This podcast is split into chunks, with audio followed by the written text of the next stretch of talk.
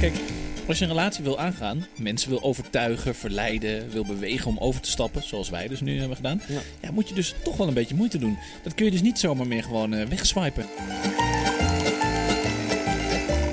Nee, ja, kijk, eh, even concreet dan. Bij Pesca is de calamaris hebben een soort frietjes. En dat zijn eh calamaris frietjes. Dan krijg je nu al zin in weer. Ja, precies. En je had de pulpo, dat was volgens mij ook eentje. We hebben er een dubbele portie van Een dubbele poelpo. Ja, we hadden Ja. bijna een hele inktvis. Pulpo fiction. Merkloyaliteit is vaak niet eens geworteld in een diepe liefde voor het merk, maar het is meer een soort ingeroeste gewoontes. Het is eh, breaking the habits, is een beetje wat hij zegt, een vorm van gemak. Hij zei, het valt niet mee, omdat alles makkelijk kan. En door die makkelijkheid wordt het uiteindelijk steeds moeilijker. Mooie tekst, toch? Ja, een beetje Cruyffiaans. Ja, om maar meteen met de deur in huis te vallen, Thijs. Bakkie Media maakt op 1 januari 2022 een hele spannende overstap. Zeg dat wel, Daniel. Zeg dat wel. Is een soort uh, scooppuccino waar je gewoon eh, mee begint. Ja. Een grote transfer in eh, media marketingland. En ja, Bakkie Media gaat naar Hoorn en naar Oesgeest. Ja, dus we gaan twee. een beetje door het land. Een soort roadshow. We hebben Ja. eindelijk onze roadshow. Ehm, ja, en jij en ik gaan samenwerken met eh, een grote vriend van de show van het allereerste uur, Willem Albert Bol. En ja, de vaste luisteraar verbaast dat natuurlijk eh, helemaal niks. Maar Abovo Maxlead wordt straks onze nieuwe hangout place. Ja, ja, ja, maar dat niet alleen. Want jij en ik waren natuurlijk al aan elkaar eh, verknocht en ge- eh, geketend als eh podcast buddy sinds het Mediahuis. Maar, Mooi, we- ja. Ja, maar we gaan nu ook een professionele verkering aan met elkaar. Hè? En Heftig, on- onderschat dat niet. En we worden gezamenlijk de creatieve directie van een nieuw op te richten unit. Dus we hebben gelijk maar een soort samenlevingscontract gemaakt. hè? Ja, absoluut. Ja, we hebben natuurlijk nog niet heel vaak ruzie en discussies eh, gehad, maar jij weet het niet. Hè? Het is ook goed om eh, ook iets op papier te zetten voor, voor het geval Ja, dat het ooit mis zou kunnen gaan. Contingencies. Eh, ik denk het niet. Maar goed, kijk, in restaurant Pesca op de Rozengracht in Amsterdam ja, is onze liefde op, meer opgebloeid. Hè? Een tijdje geleden onze ja, Rules of Engagement opgesteld. Zijn we de begonnen- Code of Bakkie. de code of Bakkie. Ja, zijn we na gaan denken over ja, de, de toekomst. En ja, Pesca is trouwens wel een enorme aanrader trouwens voor iedereen. Als het weer mag straks, Ja. als de lockdown weer weg is, gaan wij er ook echt weer naartoe. eh, Zeker. Zei ik al tegen je. Maar goed, als jullie na het luisteren van deze podcast de noodzaak voelen om over te gaan stappen, doe ik ook Ja. even een berichtje. Ja. Nou ja, weet je, of het nou je relatie is, of je baan, of, eh, of van zorgverzekeraar, heel re- relevant, de energieleverancier. Doe dat gewoon in of rond eh, restaurant Pesca. Dat is gewoon echt, ja. Wel een bijzondere review dit. Maar goed, ik denk wel dat ze, zij moeten ons ook wel gaan sponsoren nu weer. Weer, Ja, weer wat oh. mensen er naartoe gestuurd. We hebben heel veel potentiële sponsors opgeleid. Maar goed, nee, ja, kijk, even concreet dan. Bij Pesca is de calamaris hebben een soort frietjes. En dat zijn eh calamaris frietjes. Oh, krijg je nu al zin in weer. Ja, precies. En je had de pulpo, dat was volgens mij ook eentje. We hebben er een dubbele portie van genomen. Een dubbele poelpo. Ja, we hadden Ja. bijna een hele inktvis. Pulpo fiction. Maar goed, het woord is inmiddels eh, gevallen. Overstappen, Thijs. Dat is iets wat wij eh, hebben gedaan. Maar waar we het ook even wat, eh, wat dieper op willen inzoomen. Ehm, ja, en ook over het aangaan van nieuwe relaties. Want dat is dan in dit geval ook... Hè, we, we stappen over, maar we gaan ook een nieuwe relatie aan. eh, in die zin, met elkaar, maar ook met het bedrijf waar we nu heen gaan. Daarover gesproken, eh, we zijn ook wel een beetje verleid hè, door Willem Albert. Hè. Absoluut, ja. Dus we echt hebben- een goede verleider is die, man. Hè? Ja, Rico Suave. Dus we hebben hem ook maar even om een reactie gevraagd. En, en we hebben ook een fonkelnieuwe vriend van de show als quoter. Ja, dat is heel ook leuk. heel Ja. speciaal. Jij kent hem al wat langer. Niels Langerijs, voormalig managing director content bij Wavemaker. Oud CEO van Hogarth. En sinds september ook overgestapt naar het bureau New Story. Mijn naam is Daniel Kok. Ja, mooi. Ja, mooi, mooi dit hoor. Ja, leuk dat Niels ook tijd voor ons wilde maken. Ja, Niels, die ken ik al best wel lang. Dat is nog uit de tijd van, eh van Havas Media. En wat bij Niels altijd is, hè. Niels loopt altijd in pak. Dus waar je ook heen gaat, Niels is altijd dressed up Cool. en, en suited up. Ehm, ja, en het is gewoon fijn dat hij na zijn overstap naar New Story, wat ook een eh, nieuwe naam heeft. Maar daarvoor moet je het, eh, het interview bij de adformatie van hem maar even lezen. Ook echt een aanrader. Eh, natuurlijk hebben we deze aflevering ook weer onze vaste items. De Gouden Barista, de Koffie Verkeerd. Ja, en weer een knotsgekke aflevering van mijn favoriete item, Complot or Not. Nou ja, en wel met een link naar overstappen, mag ik hopen. Hè? Absoluut, Daniel. Mijn naam is Thijs van Dijk en dit is Bakkie Media. Ja, Jezus Thijs, een complot met overstappen. What the hell. Ik vind het altijd toch wel weer doodeng als je met dit soort ra- rare verhalen komt. En bij voorbaat wil ik daarom ook even aan de NSE eh, melden. Want die luisteren natuurlijk eh, met alle content in de wereld mee. Dat ik hier helemaal niets mee te maken heb. Het is Thijs van Dijk die jullie moeten hebben. Dat is heel eh, dapper. Nou, lekker dit ook. Ja, heel Dit trap er we, zitten in de, we zitten in de kelder bij de HVA en ik word gewoon meteen eh Ja, voor de, voor de gegooid. Als je zo meteen een piep hoort, dan weet je dat ik ben meegenomen. Ja, leuk. Maar goed, eh, wa- wat voor overstap zit er dan in een complot? Eh, gaat het over vervoer? Is het, is het de, de limo uit de Kennedy ass- assassination? Of eh, is het een relatieoverstap? Eh, is het die vrouw van Epstein, Ghislaine Maxwell, is die overgestapt? Of wat, wat is het? Ja, beter gewoon een nieuwsgierig aagje. Wacht nou gewoon even tot het aan bod Ja, komt. Even geduld nog, maar ik zal het om voor jou hè, als Ja. nieuwsgierige luisteraar Mooi. een tipje van de sluier oplichten. Kijk, dit complot is een hele bijzondere cocktail van nazi-kunst, aliens, illuminati en nog ook nog een moordzuchtig paard. wat? Nou ja, dat klinkt niet goed. Of, of het klinkt eigenlijk wel heel goed. Dus ik, eh, Blijf ik- vooral luisteren. Hè? Ja, precies. Ik, nou, ik zit hier heel vlakbij. Ik zit hier vlakbij de source, de horse's mouth, hè? zeggen ze wel eens. Lekker. Maar Ja. goed, eh, nog even terug naar onze overstap en onze speeddates met Bol. Die begonnen in eh, Café Oslo op de Westerkade en eindigden in eh, Ron's Gastrobar. Heel chic. Ja, iedereen die ooit een keer is overgehaald voor, jawel, een functie elders. Ja, die weet toch dat het een beetje een, een soort spannend verleidingsspel is. Met spiegeltjes, kraaltjes, Zeker. drankjes. Nou, en natuurlijk moet je dan wel, als, ja, als je verleid wordt, een beetje hard to get spelen. Hè? Nou ja, in het geval van functie elders met eh, Pietertje Omzicht, eh, dat was nou niet echt een verle- verleidingsspel. Nee, dat ging een beetje mis. Nee. Ja, dat was meer een dikke fuck you very much, eh, Pieter. Hij zou worden weggepromoveerd als burgemeester van, ja, van Trutjeshoek, Gelderland of weet ik veel, zoiets. Bestaat dat echt, dat trutjeshoek? Of zit je dat nou gewoon uit je, uit je mouw te schudden hier? Nee, Thijs, je weet toch dat ik, dat ik alles voorbereid en opzoek. Hè? Dit is, in 2014 was er een hele mooie verkiezing van de raarste plaatsnamen van Nederland. Volgens mij Radio 10. Eh, en daar werd de Trutjeshoek niet eens eerste, die werd achtste. Oh, achtste. Ja. Ja, dat is nog best wel laag eigenlijk voor zo'n eh, gekke naam. Maar wie, eh, wie won er dan? Wie stond er in top 3? Nou ja, ik heb hier een paar dingen alvast opgeschreven. Op, eh, geschreven. Ehm, in de top 8 stonden dus plaatsen als Roggel en Koekoek in Limburg. die ken ik wel, Ja. Roggel. Oké, heel mooi. En Fontijn Snol ligt op Ben je ook wel eens geweest natuurlijk op Texel? Ja, zeker. Ja. En op drie stond het dorpje Hongerige Wolf in Groningen. En op twee Rectum in Overijssel. Oh, dat is wel echt een rete goede naam, ja. Ik maak wel gewoon, hè. Ja. Ja. precies. Kop hem maar in.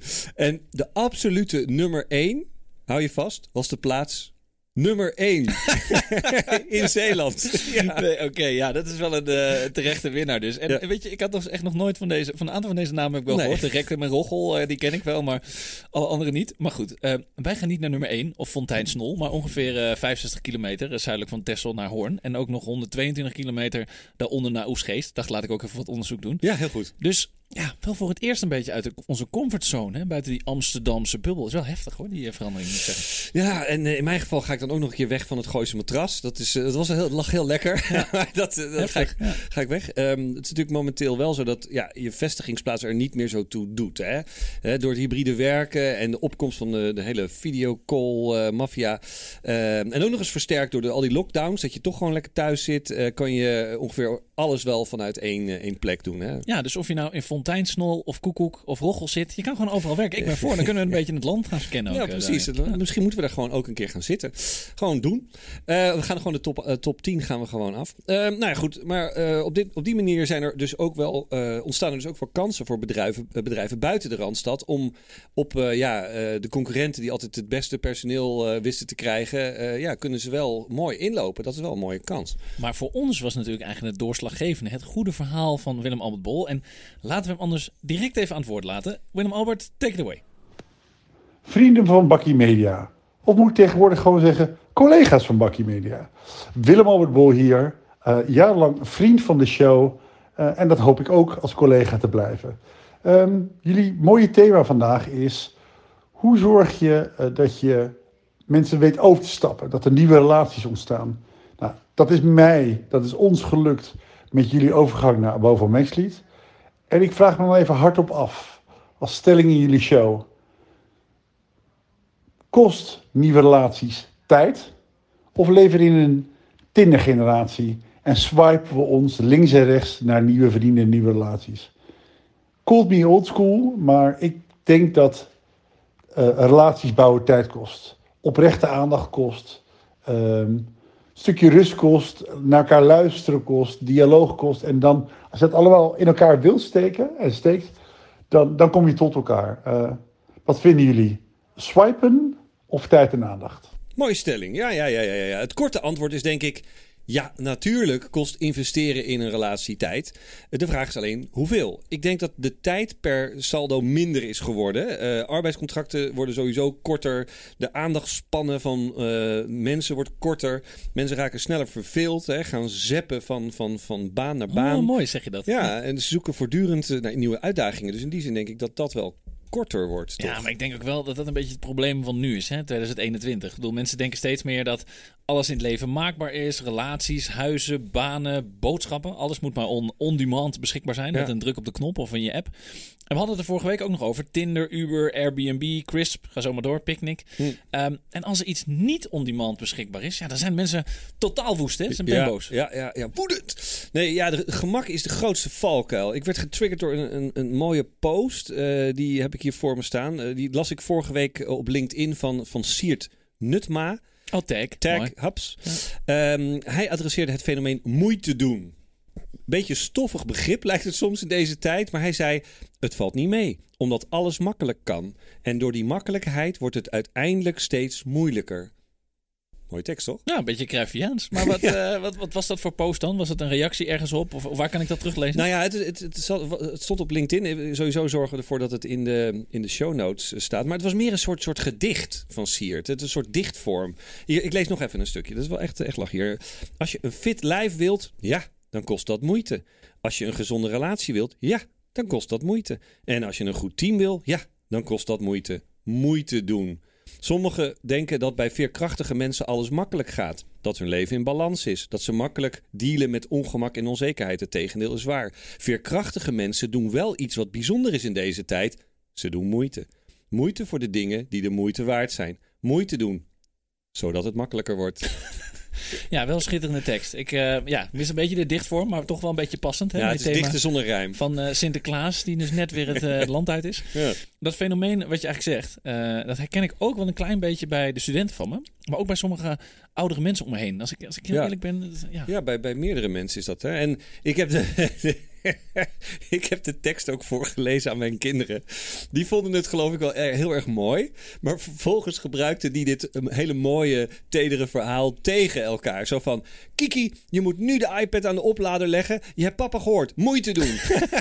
Serieus? Ja, maar goed. Sears punt uh, kun je dus wel heel goed op, op argumentatie leggen. Ook weer van Willem Albert. Hè? Kijk, als je een relatie wil aangaan, mensen wil overtuigen, verleiden, wil bewegen om over te stappen, zoals wij dus nu hebben gedaan, ja. ja moet je dus toch wel een beetje moeite doen. Dat kun je dus niet zomaar meer gewoon uh, wegswipen. Ja, de Tinder generation. Nou, precies. En als je het nog breder wil trekken, een andere ziekte van deze tijd is inderdaad uh, dat mensen elkaar helemaal de tyfus sch schelden op social media. En soms lekker anoniem, lekker veilig. Ja, en soms niet eens meer op social media, gewoon op straat. En um, nette mensen die doen dat dan niet, maar die cancelen dan elkaar. Dat is dan een beetje de nette manier om het te doen. Weet je, mond dood maken, buitenspel zetten. Nou ja, ik las, deze week lag ik ook weer iets heel actueels met, uh, met die Meilandjes. Volgens mij die Maxime Meiland of zo. En zijn, en zijn dochter. Was het zijn dochter? Wie was het ook alweer? Was dat, dat Erika Meiland. Erika, ja. En, dan en, en, die merken die gaan dus allemaal afscheid nemen uh, van hen. Omdat zij weer allemaal rare uitspraken deden op social media, toch? Ja, ja, ja nee, precies. Dus dat, dat, dat cancelen, dat is... Uh, nou ja, goed, ik zei net dat het alleen maar de nette mensen waren. Maar de mensen die elkaar niet voor ons gelden, die doen dan cancelen.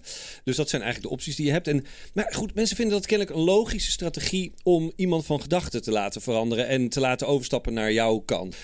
moeite stoppen om de anderen te overtuigen met goede argumenten, dat lijkt uh, toch een beetje weggedreven te zijn. Hè? En laat staan om mensen te inspireren of zelfs te verleiden. Dat is een soort van ouderwetse kunst bijna geworden. Weet je wel, complimenten, prikkels, uitdagingen, mensen gewoon triggeren. Ja, dat is er ja, niet meer ja, bij. Ja, nou, we gaan het niet weer over het coronabeleid hebben, want dit is natuurlijk ook wel een beetje, er zit ook wel een beetje een uh, logica in, maar um, hè, dat het een beetje op elkaar lijkt. Maar goed, als ik dit zo hoor, laten we dit dan heel even projecteren op ons vak, media marketing. Hè? Hoeveel moeite doen merken en commerciële bedrijven nou niet of wel om mensen te laten kiezen of um, om over te stappen naar een product of dienst? Ja. Maar weet je wat? Uh, we hebben wel een quote die exact over dit onderwerp ook wat te zeggen heeft. Niels Langereis, kom maar even in.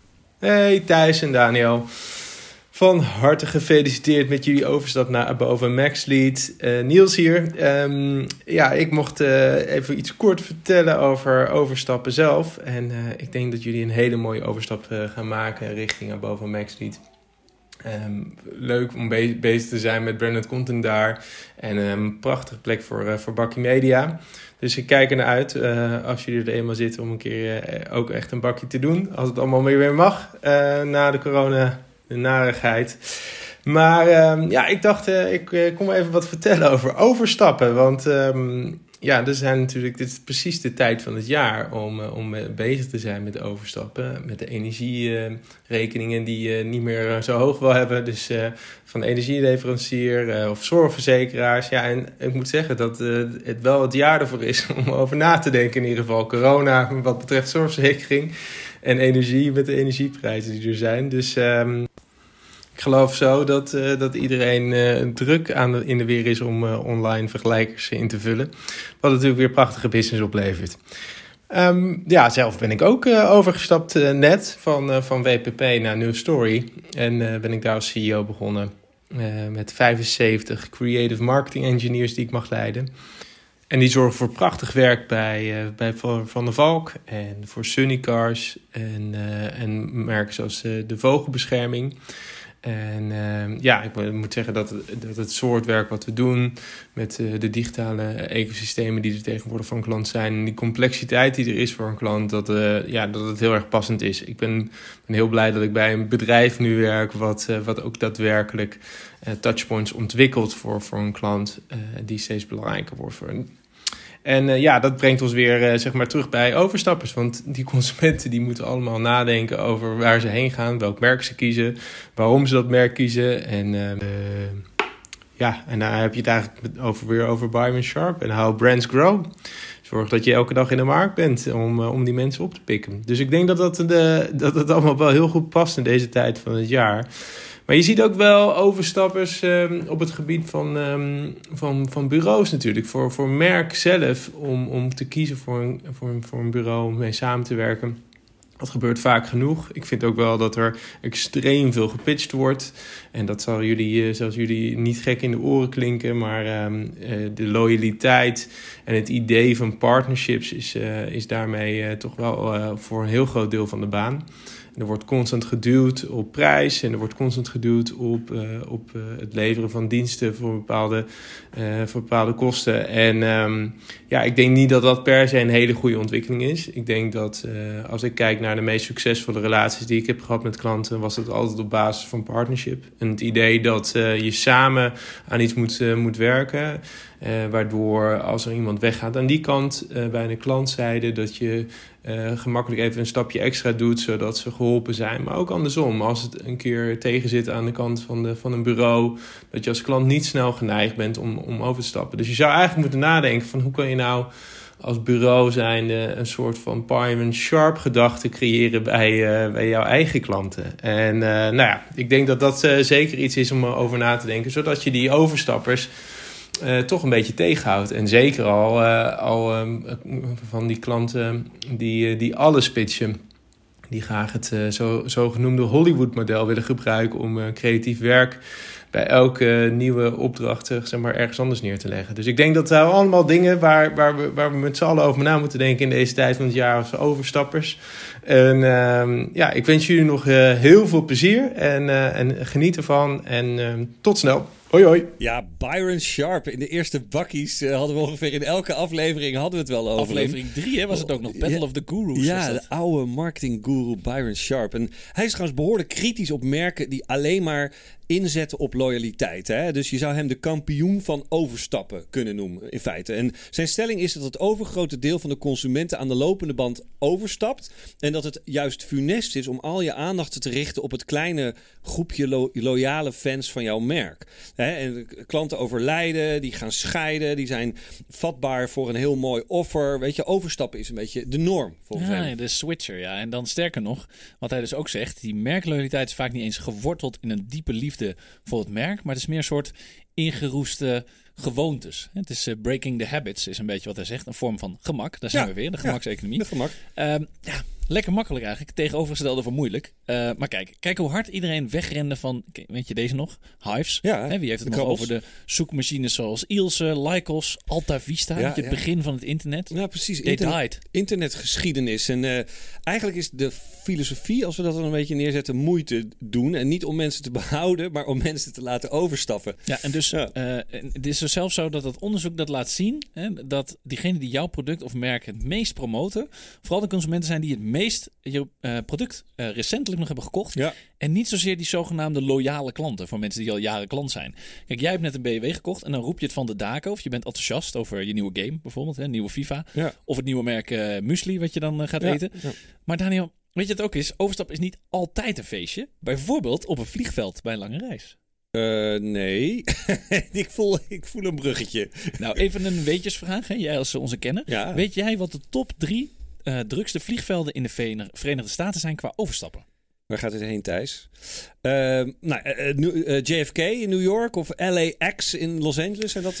Nou, nee. Maar het is eigenlijk Nee? best wel Oh. een vrij verrassend lijstje. Ik, bedoel, ik heb me ook even verdiept hè, voor deze speciale aflevering. Ja. Op één staat het vliegveld van Atlanta.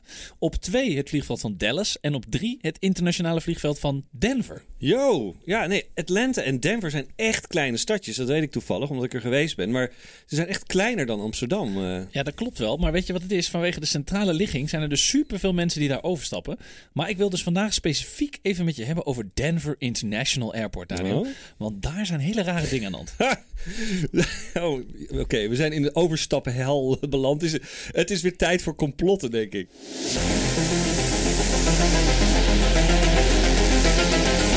Complot. Or not. Ja, Denver International Airport is niet alleen een hele intense plek als het aankomt op het overstappen van miljoenen passagiers. Het is ook nog eens een bron van next level complottheorieën. En er zijn er zoveel dat ik gewoon even een paar uit moet kiezen. Anders duurt deze complottennot de hele aflevering. Eh, om te beginnen staat er namelijk een 10 meter hoog blauw stijgerend paard voor de deur met demonische rode ogen. Dat is echt bizar. Gaat, zoek het op, kijk het in de Ja. show notes. Ja, echt een vreselijk raar beest. En de kunstenaar van dit gekke beest is dus om het leven gekomen omdat een deel van het paard op hem viel en hij dus doodbloedde. Waardoor veel mensen denken dat het paard een soort van curse is. Jezus. Nou, dit, is, dit klinkt wel een beetje als eh, bullshit. eh, of wat is het? Horseshit eh, complot. Het, sorry, NSE. nou goed, dat snap ik. Maar het wordt dus nog een, een tikkeltje vreemder. Want onder het vliegveld ligt dus een kilometers lang tunnelstelsel met zes verdiepingen. En dat is een feit, hè? dat is geen complottheorie. Bij de oplevering rond 1995 werd een paar keer gewisseld van aannemers, architecten, waardoor niemand nog exact weet hoe het zit met die hele constructie. Waarbij ook nog de kosten extreem de pan uitrezen. En er wordt gezegd dat dit is gebruikt voor bepaalde aliens. Nou, dat is een beetje een zwak verhaal, maar een aannemelijke theorie is dat die tunnels dus zijn gebouwd door een geheim elitair superrijk genootschap, zoals de Vrijmetselaars, Illuminati, om een nieuwe wereldorde op te richten na de nucleaire apocalyps. En, maar waarom is, dit, hè? waarom is dit dan aannemelijker dan de aliens? Nou ja, ik verwachtte deze graag natuurlijk over jou. Kijk, die tunnels die schijnen dus door te lopen tot aan de top secret military base NORAD. Die het nucleaire arsenaal van de Verenigde Staten beheren. Een eindje verderop in Colorado. Ja, oh, dat klinkt inderdaad wel gelijk weer een stuk enger. Ja, en het wordt dus nog vreemder. Kijk, dit nieuwe wereldordeverhaal wordt eigenlijk bevestigd door een vreemd plakkaat in de, in de hal. Waarin een tijdcapsule ligt die in 2094 wordt geopend. Maar dat is ook weer een verwijzing naar de aliens, of wat? Nou, misschien. Maar het bizarre is dat op dat plakkaat gewoon het symbool van de vrijmetselaar staat. Met de tekst New World Airport Commission. Een commissie die nou, helemaal niet bestaat. Ja. En dat symbool wordt ook nog vaak geassocieerd met de Illuminati. Dus blijkbaar eh, bezoeken ook regelmatig leden van de vrijmetselaars deze, dit plakkaat. En sommigen proberen dan een beetje hun eh, lidmaatschapskaart te swipen over deze steen of zo, denk ik. Nou, dat klinkt wel als realistisch. Super ouderwets met zo'n kaart ook nog. Maar goed, ehm, je had het ook helemaal in het begin over de nazi's. eh, aan het, hè? Ehm, zitten die ook verstopt in die tunnels? Wat, wat is daarmee aan de hand dan? eh? Nou, dat is niet helemaal bekend, maar er zijn in het gebouw hele naargeestige muurschilderingen te zien. Die zijn gevuld met thema's als nazisme, dood, genocide en wederom die apocalyptische symboliek. En ze hebben wel wat positieve titels, zoals Children of the World Dream of Peace. Oké. Eh, maar je ziet er onder andere ook een soort spooksoldaat met een gasmasker. Oh. Een brief in de hoek die volgens sommigen afkomstig is van een kind dat weer stierf in Auschwitz. Het zwaard van de soldaat prikt ook nog eens hè, een vredesduif dood. Dat is heel veel symboliek. En, en die woordvoerder Dit is allemaal echt dit. ja, dit is echt waar. En, en de woordvoerder van de luchthaven, die, die lacht het allemaal een beetje weg. Nou, die, ja, die gaat er eigenlijk niet op in. Maar volgens mij zit hier een klein luchtje aan. Eh, het klinkt meer als een duister museum dan een vliegveld. Maar als je hier dus ooit moet overstappen, Daniel, dan zou ik zeggen, zoek het zelf uit. Laten we daar gewoon wat langer blijven. En bepaal maar aan welke kant jij staat. Complot or not? Jezus, dit is een freaky verhaal, man. Al die, eh, al die details. En het is niet eens echt een, een heel klein obscuur vliegveldje die publiciteit nodig heeft en eh, daardoor gekke dingen doet. Maar het is een van de grootste luchthavens qua eh, eh, passagiers in Amerika. Maar goed, snel weg hiermee Thijs. Ik vind het allemaal doodeng. Ja, goed En we idee. gaan door. Gelukkig zit ik nog in de kelder, dus het is nog goed gekomen. Maar we stappen even over naar een ander onderwerp. Het is tijd voor wat positiviteit. Het is tijd voor onze eigen award, de Gouden Barista. We staan natuurlijk altijd open voor suggesties, maar wij zijn de jury. Wij nomineren leuke content, ideeën en mensen voor jullie, onze Bakkie Media luisteraars.